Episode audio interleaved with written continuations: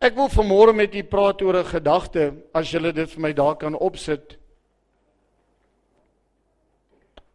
En ek dink dit pas so mooi in by ehm uh, die nagmaal. Het jy al daaraan gedink? Ek wil jou die vraag vra. Noem jy Jesus jou saligmaker of jou Heer? Dink daaroor. Saligmaker of Heer? Een van die vroeë kerke se verklaringe was altyd Jesus is Heer. En mettertyd het die kerk dit verander na Jesus is saligmaker. Nou voordat jy dink ek is besig met 'n dwaallering, byt net vir 'n oomblik vas want Jesus is beide.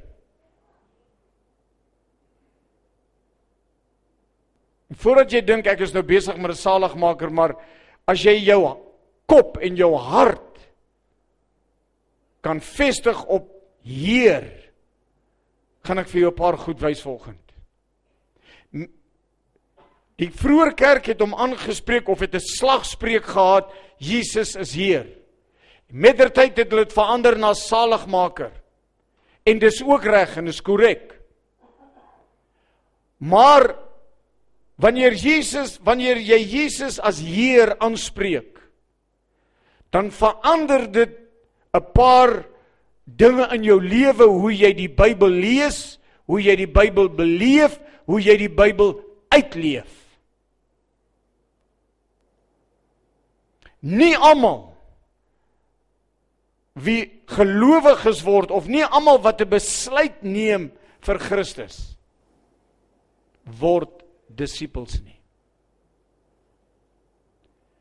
Nie almal wat 'n besluit neem vir Christus as saligmaker word noodwendig 'n disipel nie. Hoekom? Hy word hulle redder. Maar hy word nooit hulle heer nie. Hy word hulle redder. Maar hy word nooit hulle heer nie. Ons weet almal dat God het 'n opdrag of 'n plan gehad met die mensdom. As gevolg van sonde, as gevolg van ongehoorsaamheid, stuur hy sy seun en dis wat ons vanmôre dink en dankie sê. Stuur hy sy seun om in ons plek te sterf. Hy neem die vloek op hom. In Hebreërs 9:22 weet ons spreek dat sonder bloedvergifting 'n uh, bloedvergieting is daar geen vergifnis van sonde nie. Dit weet ons en ons dank die Here vir Golgotha. Ons dank die Here vir die bloed wat gevloei het op Golgotha. En met dit saam met die kruisiging van Christus kan ons ook sê met die vleeswording van Christus toe daar gesê was vandag vir julle in die dag in die stad van Dawid is gebore die saligmaker wat Christus die Here is. Luister mooi na die terminologie die saligmaker wat die Here is. En nou gee vir ons die voorreg om ons te kan voeg by Johannes 1 vers 12 almal wie hom aangeneem het en hulle het die reg gegee om kinders van God genoem te word. Ons dank die Here vir die bloed gieting op Golgotha. Maar nou kom Paulus in Romeine 9 Nou sê Paulus vir ons in Romeine 9: As jy met jou mond as jy met jou mond die Here Jesus bely en met jou hart glo dat God hom uit die dood uit opgewek het, sal jy gered word. Hierdie skrif is vir baie gelowiges al so bekend. Maar tog sien ons of miskyk ons 'n waarheid ten opsigte van die naam as jy met jou mond die Here. Die woord Here beteken kurios. Die woord kurios in Grieks beteken my meester, my eienaar, iemand wat soewerein in gesag is. Luister mooi na dit. My my meester. My eienaar. Iemand wie soewerein in gesag is. Vertel julle grappies in die kerk. Die Engelse is nie meer 'n grap nie. Ek gaan eendag na 'n sakeman toe in ons gemeente. En hy het my altyd vertel hoe lief is hy vir my. En die dag dog ek ek gaan hom nou toets hoe lief is hy vir my regtig. En ek parkeer my kar so blok en 'n half weg van sy werkswinkel. Hy was 'n motorwerktuigkundige. En ek gaan na hom toe en ek sê en hy hy vra my toe ek aangestap toe ek daar aangestap kom. Sê hy vir my: "Pastor, as jy nou hier aangestap kom, waar is jou kar?" Ek sê vir hom: "Man, my kar het gebreek."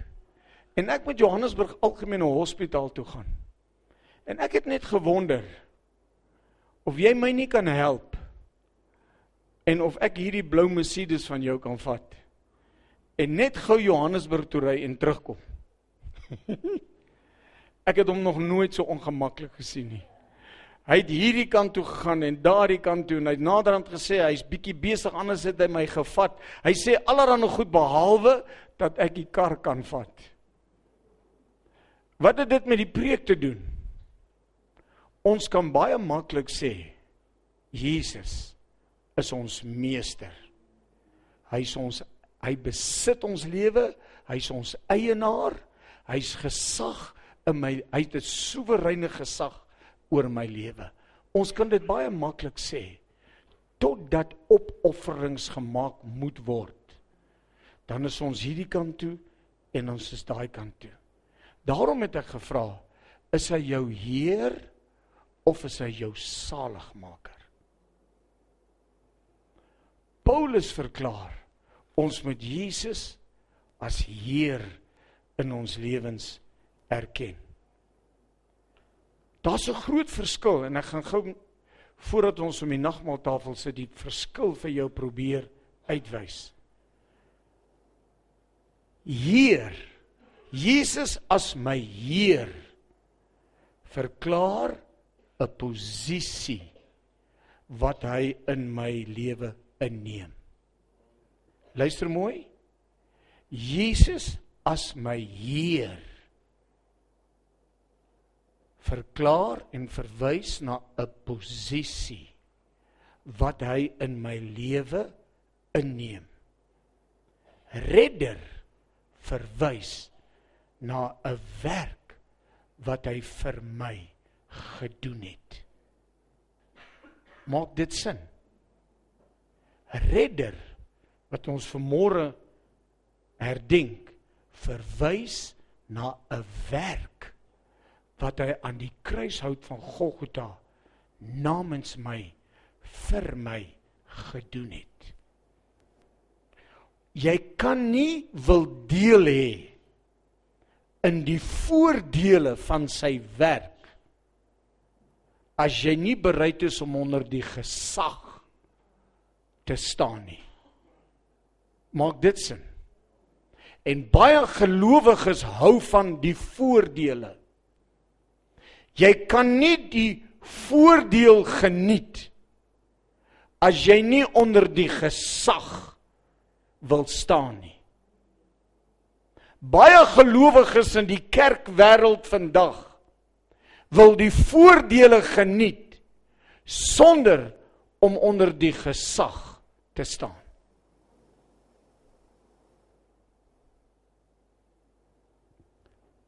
As jy onder die gesag staan, kan jy die voordeel geniet. Jesus as redder Jesus as redder beklemtoon die vergifnis van my sonde. Dis 'n persoonlike eenmalige gebeurtenis en wat ek voortdurend my sondes bely. Sou ek want niemand van ons is volmaak nie. Almal van ons het maak sonde is veel meer en dis nou nie op die skerm nie. Sonde is veel meer as rook, vloek en dans. Ek het groot geword in 'n era wat rook, vloek en dans, as jy rook, vloek en dans en fliek kyk, is dit groot sonde. Ek onthou die jare toe ek en my vrou net na ons bekering toe gaan kyk ons 'n fliek nog gaan in die inry. Die driving, onthou julle daai dae? Toe gaan kyk ons die die fliek Born Free. Heeltemal onskuldig oor 'n klomp leeu's. Ek het daai aand so gebid in die driving dat die Here nie moet kom nie. Anders bly ek agter tussen hierdie speleeus. Sonde is veel meer as as rook, vloek en dans.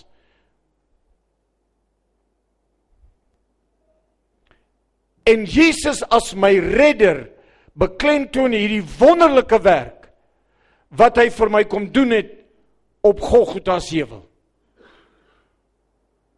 Jesus as Heer, wanneer Jesus as Heer van my lewe gekroon word, is daar 'n totale oriëntasie in my hele wandel met God. 'n Totale ommekeer, 'n totale ander oriëntasie, dan gaan dit oor sy koninkryk want ek staan onder sy gesag. Hy's my heer, hy's my meester. Ek behoort nie aan myself nie, ek behoort aan hom. Dit gaan oor hom en sy koninkryk.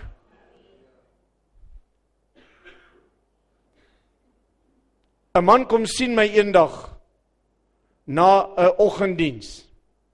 Kan ek julle 'n paar ware staaltjies vertel uit my my kort bedieningstydperk? Hier kom 'n man my sien na 'n oggenddiens. Hy sê vir my pastoortjie, nou as hulle so begin, dan moet jy weet hy's omgekrap. Hy begin so, hy sê pastoortjie, jy het my vanmôre het jy my verneder. Ek sê wat's fout? Wat het ek verkeerd gedoen? Want in die bediening as dit reën, is dit die pastoor se skuld. As dit nie reën nie, is dit ook sy skuld. Alles wat skeefloop is altyd sy skuld. En ek sê ewe onskuldig die oggend ek sê ek weet nie wat ek verkeerd gedoen het maar ek, ek vra by voorbaat om verskoning. Hy sê jy het my vanmôre gevra om die slotgebed te doen in die kerk. Ek sê ja, ek het. Hy sê pastoortjie, jy verstaan nie. Die Here het my gesalf. En toe raak hy geestelik. Die Here het my gesalf om die openingsgebed te doen. Want tydens die openingsgebed dan kry ek God se volk bymekaar sodat jy kan preek. Jy het hom miskien jou redder gemaak. Maar as jy so optree, is hy verseker nie jou heer nie. Hoor julle die verskil? Want as hy my heer is, dan beheer hy my hele lewe. Hy's soewerein in gesag. Hy's die eienaar van my optrede. Hy's die eienaar van wat ek dink en wat ek sê.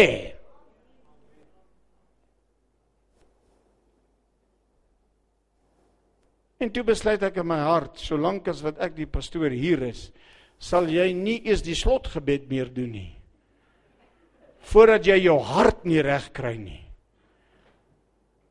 Want jy sien, gebed is nie net 'n klein gedeelte van 'n diens wat net moet plaasvind nie. Die kerk moet weer opnuut besef waarmee ons besig is en met wie ons besig is. ons moet besef waarmee ons besig is en met wie ons besig is. En dit gaan oor God se koninkryk. Dit gaan nie oor my nie. Dit gaan nie oor jou nie. Dit gaan oor die koninkryk. As hy my Heer is, is ek onder sy gesag en sy en sy koninkryk geniet prioriteit in my lewe. It's about the kingdom. Iemand het eendag gesê Christians are like computers. They only come on when they're on the program. My vrou kom sien my een aand na 'n diens, na 'n uh, musiekoefening. Sy sê vir my George, jy moet help. Ek sê pop, wat's fout? Sy sê daar's chaos by die voorsangers. Ek sê die ander pastoor moet dit uitsorteer. Dis waarvoor hy daar is. Sy sê hy het probeer, maar dit werk nie. Want ons het toe daai ons het toe besluit, ons het so groep wat hulle eie mikrofone het soos wat ek nou vanmôre hier gesien het. Ek dink ek het dit gesien. En dan op 'n ander plek het ons so groot verhoog gehad met 'n mikrofoon wat uit die dak uit hang. Toe stryk hierdie groep. Want hulle het nie hulle eie mikrofone nie. U lag daaroor, maar dis die toestand van die kerk. Dis die toestand, dis waarmee gelowiges hulle besig hou. Dit gaan nie oor jou en jou mikrofoon nie. Dit gaan oor die koninkryk. En dieselfde geld vir predikers. Ek kom eendag by 'n gemeente toe skarrel hulle om 'n begrafnisdiens waar te neem of althans te begin want die senior pastoor is op verlof en hulle kry nie 'n mikrofoon nie want sy mikrofoon is toegesluit. Hulle moet hom uit die wildtuin uit bel om toestemming te kry om sy mikrofoon te gebruik vir 'n diens. Waarmee hou gelowiges hulle besig? Hy's dalk jou redder. Maar is hy jou saligmaker? Hy's dalk jou saligmaker, maar is hy jou Heer? Jy sien as hy jou Heer is, dan verander die hele prentjie. It's about his kingdom. Dit gaan oor die koninkryk. En dit gaan nie meer oor jou nie. Dieselfde geld vir jou betrokkeheid in 'n gemeente. As hy jou Heer is, dan maak dit nie saak of jy 'n mikrofoon het of nie. Dit maak nie saak of jy die program is of nie. Dit maak nie saak of jy geluk wens geluk gewens word met jou verjaarsdag of nie. Dit gaan oor die koninkryk. Die ander goedjies is byprodukte. Jy sien ons moet gefokus raak ten opsigte van die koninkryk. Hy is my eienaar. Hy's my meester en hy't soewereine gesag in my lewe. Wanneer hierdie oriëntasie in my lewe plaasvind, dan verander dit my hele verhouding met God. Ek hou om die woord te ek hou van om die woord te, om na die woord te verwys my verhouding met God. Jy sien, ek is nie betrokke in godsdiens nie. Ek is betrokke met 'n verhou, in 'n verhouding. Dit verander die hele prentjie. Ek is 1 jaar met vakansie in George. George is op vakansie in George. Ek het gaan vakansie hou in 'n Hartenbos. En ek het 'n 'n lelike gewoonte dat wanneer ek op vakansie is, is ek nie lief om te skeer nie. Nou moet jy die prentjie in jou geestesoog probeer kry. Ek sê vir my vrou, ek sê pop, kom ons ry George toe. Ek wil net by 'n kerk uitkom. Maar nou het ek 'n kort broek aan met 'n T-hempie en 'n en 'n paar plakkies en ek is bruin gebrand en my gesig is rooi gebrand en ek is nie geskeur nie. Nou kom ek by die kerk aan. Maar nou wil ek nie ingaan nie. Want kyk hoe lyk ek. En ek is net bang die pastoor wat preek herken my. En dan verskyn ek dalk op die voorblad van die rapport. Kyk hoe lyk die pastoor van die AGS kerk. Nou kom ek aangestap na die kerk toe. Nou sê Maritjie vir my, "Wat ek sê ek wil net hier buite sit en ek wil net hoor hoe aanbid hulle." Ek het net 'n behoefte van wie my verhouding met God. Daar ek weet nie wie die deurwagter of die koster of wie ook al hy is. Hy het al sy dae gehad om hierdie onbekende ou wat lyk soos 'n boemelaar Hy het my naderhand gesê ek moet inkom en ek moet agter in die kerk sit. Ek hoef nie skaam te wees nie. Hy het 'n plekkie vir my. Ek sê vir hom ek wil nie ingaan nie. En en ek nou sê ek nie vir hom wie ek is nie. Nie dat dit saak maak nie, maar hy moet my net los. Ek wil net luister hoe aanbid mense. As gevolg van my verhouding met God. Jy sien wanneer Jesus jou heer word of jy hom jou heer maak dan is daar 'n refleksie na buite wie hier binne my lewe beheer klink dit maak dit sin wat ek sê daar's 'n refleksie na buite van wie my lewe hier binne beheer. Daar's 'n refleksie na buite.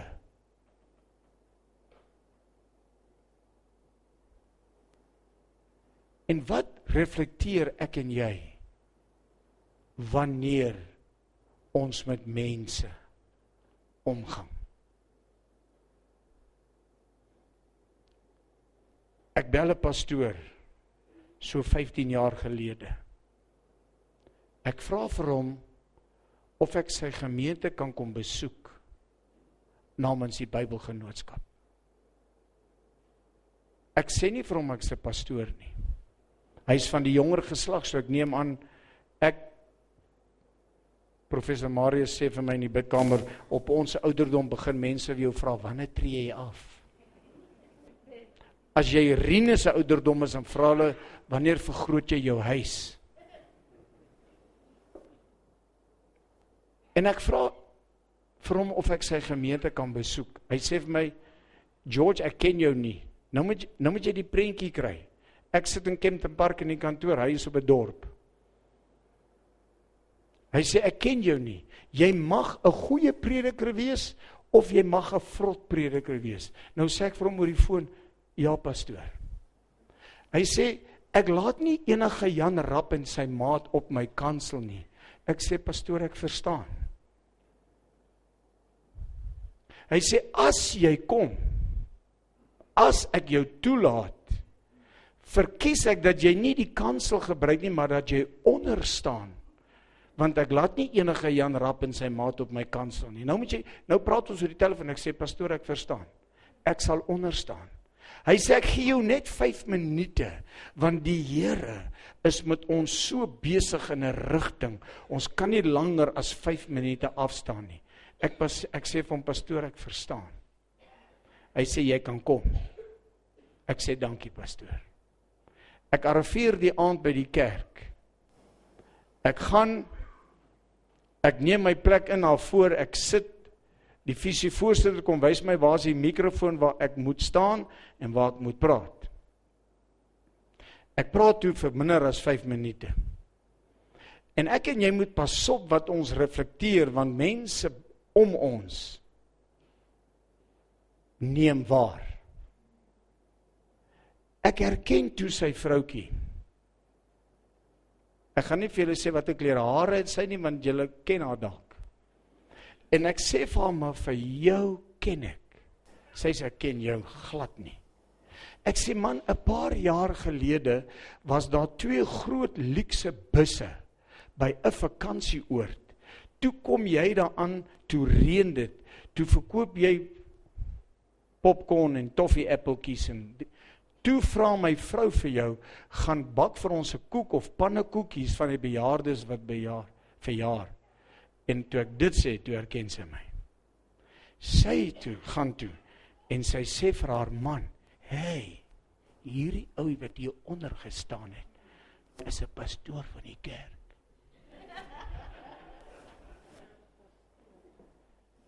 Ek sê nie 'n woord nie, klaar gepreek, groet die mense by die deur. Hier kom 'n dame na my toe sê sê, "My jene pastoor, hoekom het jy nie gepreek nie?" Ek kan mos nie sê Jan Rapp en sy maat. Ek sê 'n ander keer. Want sy het toe ons dienste bygewoon in ons vorige gemeente. OK. Tyd het gekom en tyd het gegaan. Ek is die maandag op kantoor toe bel my broer my. Toe sê ek nie meer Jan Rapp en sy maat nie, toe sê ek broer. Hy sê broer, hoekom het jy my nie gesê? Ek sê dit maak nie 'n saak nie. Jy sien wat hy nie weet nie. 15 jaar gelede toe die AGS kerk my die geleentheid gegee het om te doen wat ek vandag doen het ek en my vrou besluit ons sal die kerk dien en wanneer jy dien dan gaan dit nie oor waar jy staan nie luister wat ek sê as jy dien gaan dit nie oor waar jy staan nie Dit gaan nie oor hoeveel mikrofone jy het nie en dit gaan nie oor waar jy gesien word nie. En daai dag toe sê ek vir my vrou. Ek sê poplap, hier is vir ons 'n toets. En ons moet besluit gaan ons hierdie toets skryf en hom deurkom of gaan ons hom dop? En so loop elke een van ons elke dag van ons lewe 'n toets. En jy moet besluit of jy die toets gaan deurkom as Jesus jou Heer is waar dit nie oor jou gaan nie. Jesus sê per geleentheid, "Waarom noem julle my Here, Here en julle doen nie wat ek sê nie?" As hy my Heer is, Speel vir my iets op die instrument saggies asseblief vriendes. As hy my Heer is, dan is dit vir my maklik om 'n dader van die woord te word. Want dit gaan nie oor my nie. Dit gaan nie oor jou nie. Dit gaan oor sy koninkryk. Dit gaan oor wat sê die woord. Wat sê die woord? Dit verstom my dat mense kilometers en kilometers ry om 'n woord van die Here te kry terwyl hulle die geskrewe woord in hulle midde het en sukkel om uit te kom by die geskrewe woord. Jy sien dis maklik om iets te doen wat van my nie 'n prys kos nie. Dis maklik. Dis maklik om te gee as ek het. Dis maklik om iemand te vergewe as hulle my nie kwaad aangedoen het nie. Maar gelang die die graad van en die erns van die kwaad wat my aangedoen is, hoe moeiliker is dit om te vergewe. En die kerkmense bevind hulle daagliks op 'n plek waar ons met die mond bely hy is ons saligmaker maar ons sukkel om te demonstreer op 'n tasbare wyse dat hy my Heer is dat ek onder sy gesag staan dat dit nie oor my gaan nie ek is nie belangrik nie en mag die Here ons help en mag ons onsself help dat ons op 'n plek in ons verhouding met God sal wees. Ek wil nie sê kom nie want daardeur insinueer ek jy is nog nie daar nie. Maar dat jy op 'n plek in jou verhouding met God sal wees waar hy my Heer is en ek nie so belangrik is nie. Ons sit dag na dag of Sondag na Sondag onder die geklank van God se woord. Toets net vir jouself vanoggend. Hoeveel preke het jy al in jou lewe gehoor? Help my. 100, 200, 1000. Hoe lank dien jy al die Here? Sondag na Sondag hoor ons God se woord. Deur gesalfde, bekwame predikers. En nou verwys ek nie na my nie, ek verwys na Rinus en Prof Nel. Ek kry goeie lering.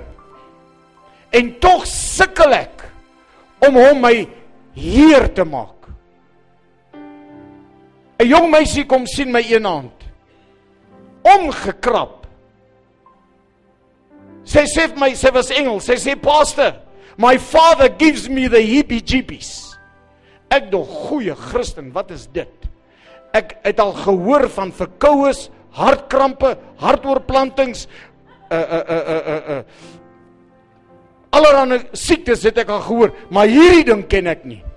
Ek sê vir haar, "Explain to me what is heebie-jeebies."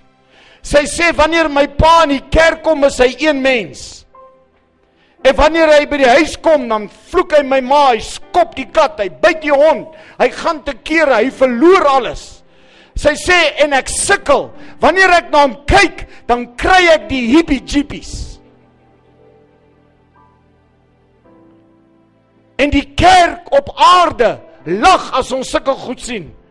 Maar die koning van die kerk in die hemele is ek oortuig sy hart ween oor die toestand van baie gelowiges. Hulle word Christene, maar hulle word nooit disippels nie. Hulle neem hom aan as redder, maar hulle kroon hom nooit as Heer nie.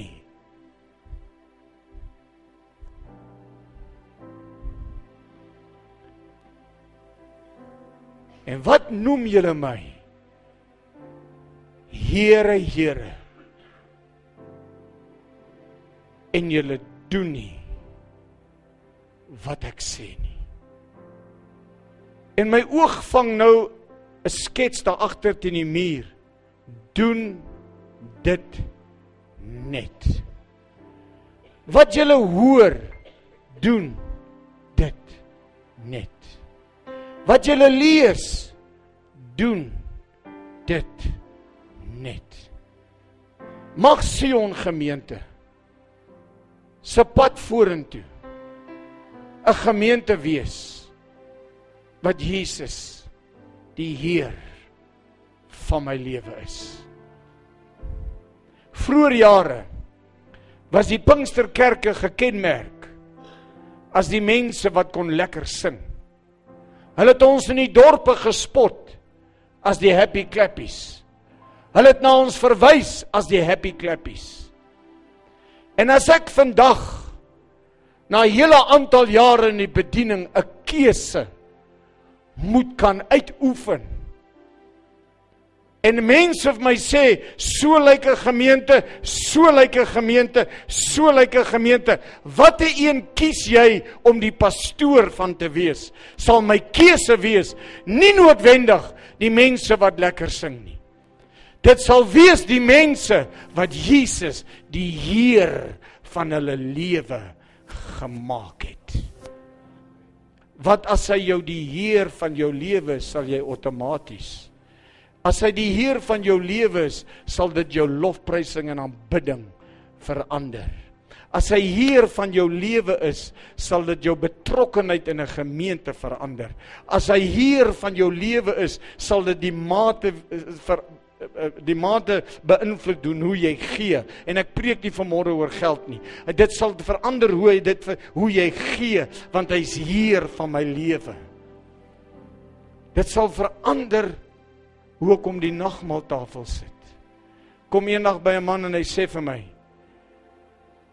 Hy sê pastoor is al Sondag nagmaal. Ek sê ja. Hy sê wel dan gaan ek nie kerk toe kom nie. Ek sê wat praat jy? Hoekom? Hy sê want dan hou dit gewoonlik langer aan. Jy mis die punt. Hierdie is nie net 'n ritueel nie. Hierdie is nie net iets. Sal die broers of die persone wat gereël is om ons te help met die nagmaal na vore kom? En terwyl jy vanmôre om die nagmaaltafel sit, moet jy vir jouself dit uitmaak. Is hy die heer van my lewe? Of het my verhouding gestagneer by redder? Ek dank God dat hy my redder is. Ek is hom ewig ewig dankbaar dat hy my sondes vergewe het en my naam geskryf het in die boek van die lewe. Maar my verhouding met hom kan nie stagneer op die vlak net van my redder nie. Dit moet groei waar hy my heer maak. Daar staan die Here maak ons 'n stad op 'n berg. Die een wie die eienaar van hierdie gemeente is. Die een onder wie hierdie gemeente se soewereine gesag staan. En dieselfde geld vir my persoonlike verhouding met God. Dieselfde enige verhouding wat nie groei nie is ongesond. Ek onthou die jare toe ek en my vrou mekaar leer ken het. Ek het al groot geword, al groot gemaak. Ek sê eendag vir my skoonpa, besef pa, ek kyk langer na Maritjie as wat pa na haar kyk. Nou geen skoonpa hou daarvan dat 'n skoonseun sulke opmerkings maak nie. En my skoonpa sê wel jy kan haar altyd teruggee as jy wil. Ek sê nee nee nee nee wag 'n bietjie. Nie so maklik nie. Kyk hoe lyk sy nou. En teenoor hoe sy gelyk het toe ek haar gevat het. Pa kan haar terugkry, maar jy moet my uitbetaal vir al die verbeterings. En ek onthou toe ons as jong tieners vir mekaar begine oogies maak het.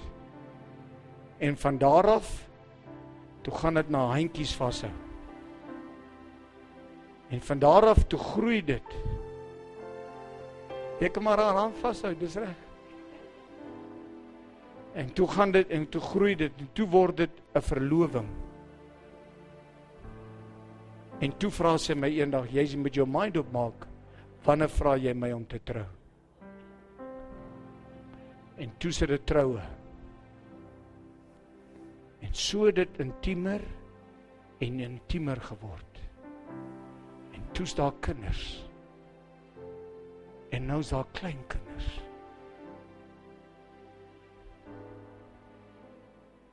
En baie Christene het net gestop by redder hulle het niks verder gegroei nie.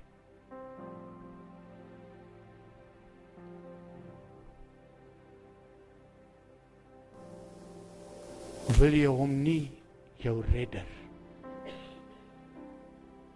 in jou lewe hou nie. En laat niks en geen negatiewe omstandighede geen hartseer geen onbevraagde of geen onbeantwoorde vrae jou sal wegvat van sy eienaarskap in jou lewe nie. Dat al baie goed in my lewe gebeur waarvoor ek nie 'n antwoord het nie. En soms gefrustreerd, soms hartseer. Sê ek altyd vir my vrou. Ons buig in nederigheid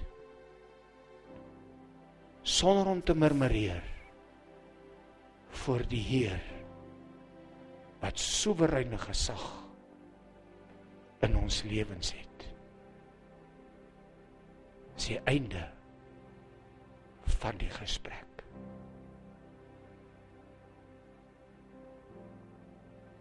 Maar hoekom? Ek weet nie. Maar wanneer? Ek weet nie. Ek buig voor die kurios. Daar's 'n liedjie wat sê Some people call him Jesus. But I I call him Lord. Die kurios. Ek verstaan nie hoekom ek deur hierdie moeilike tyd gaan nie. Maar ek buig vir die meester. Hy's die kurios.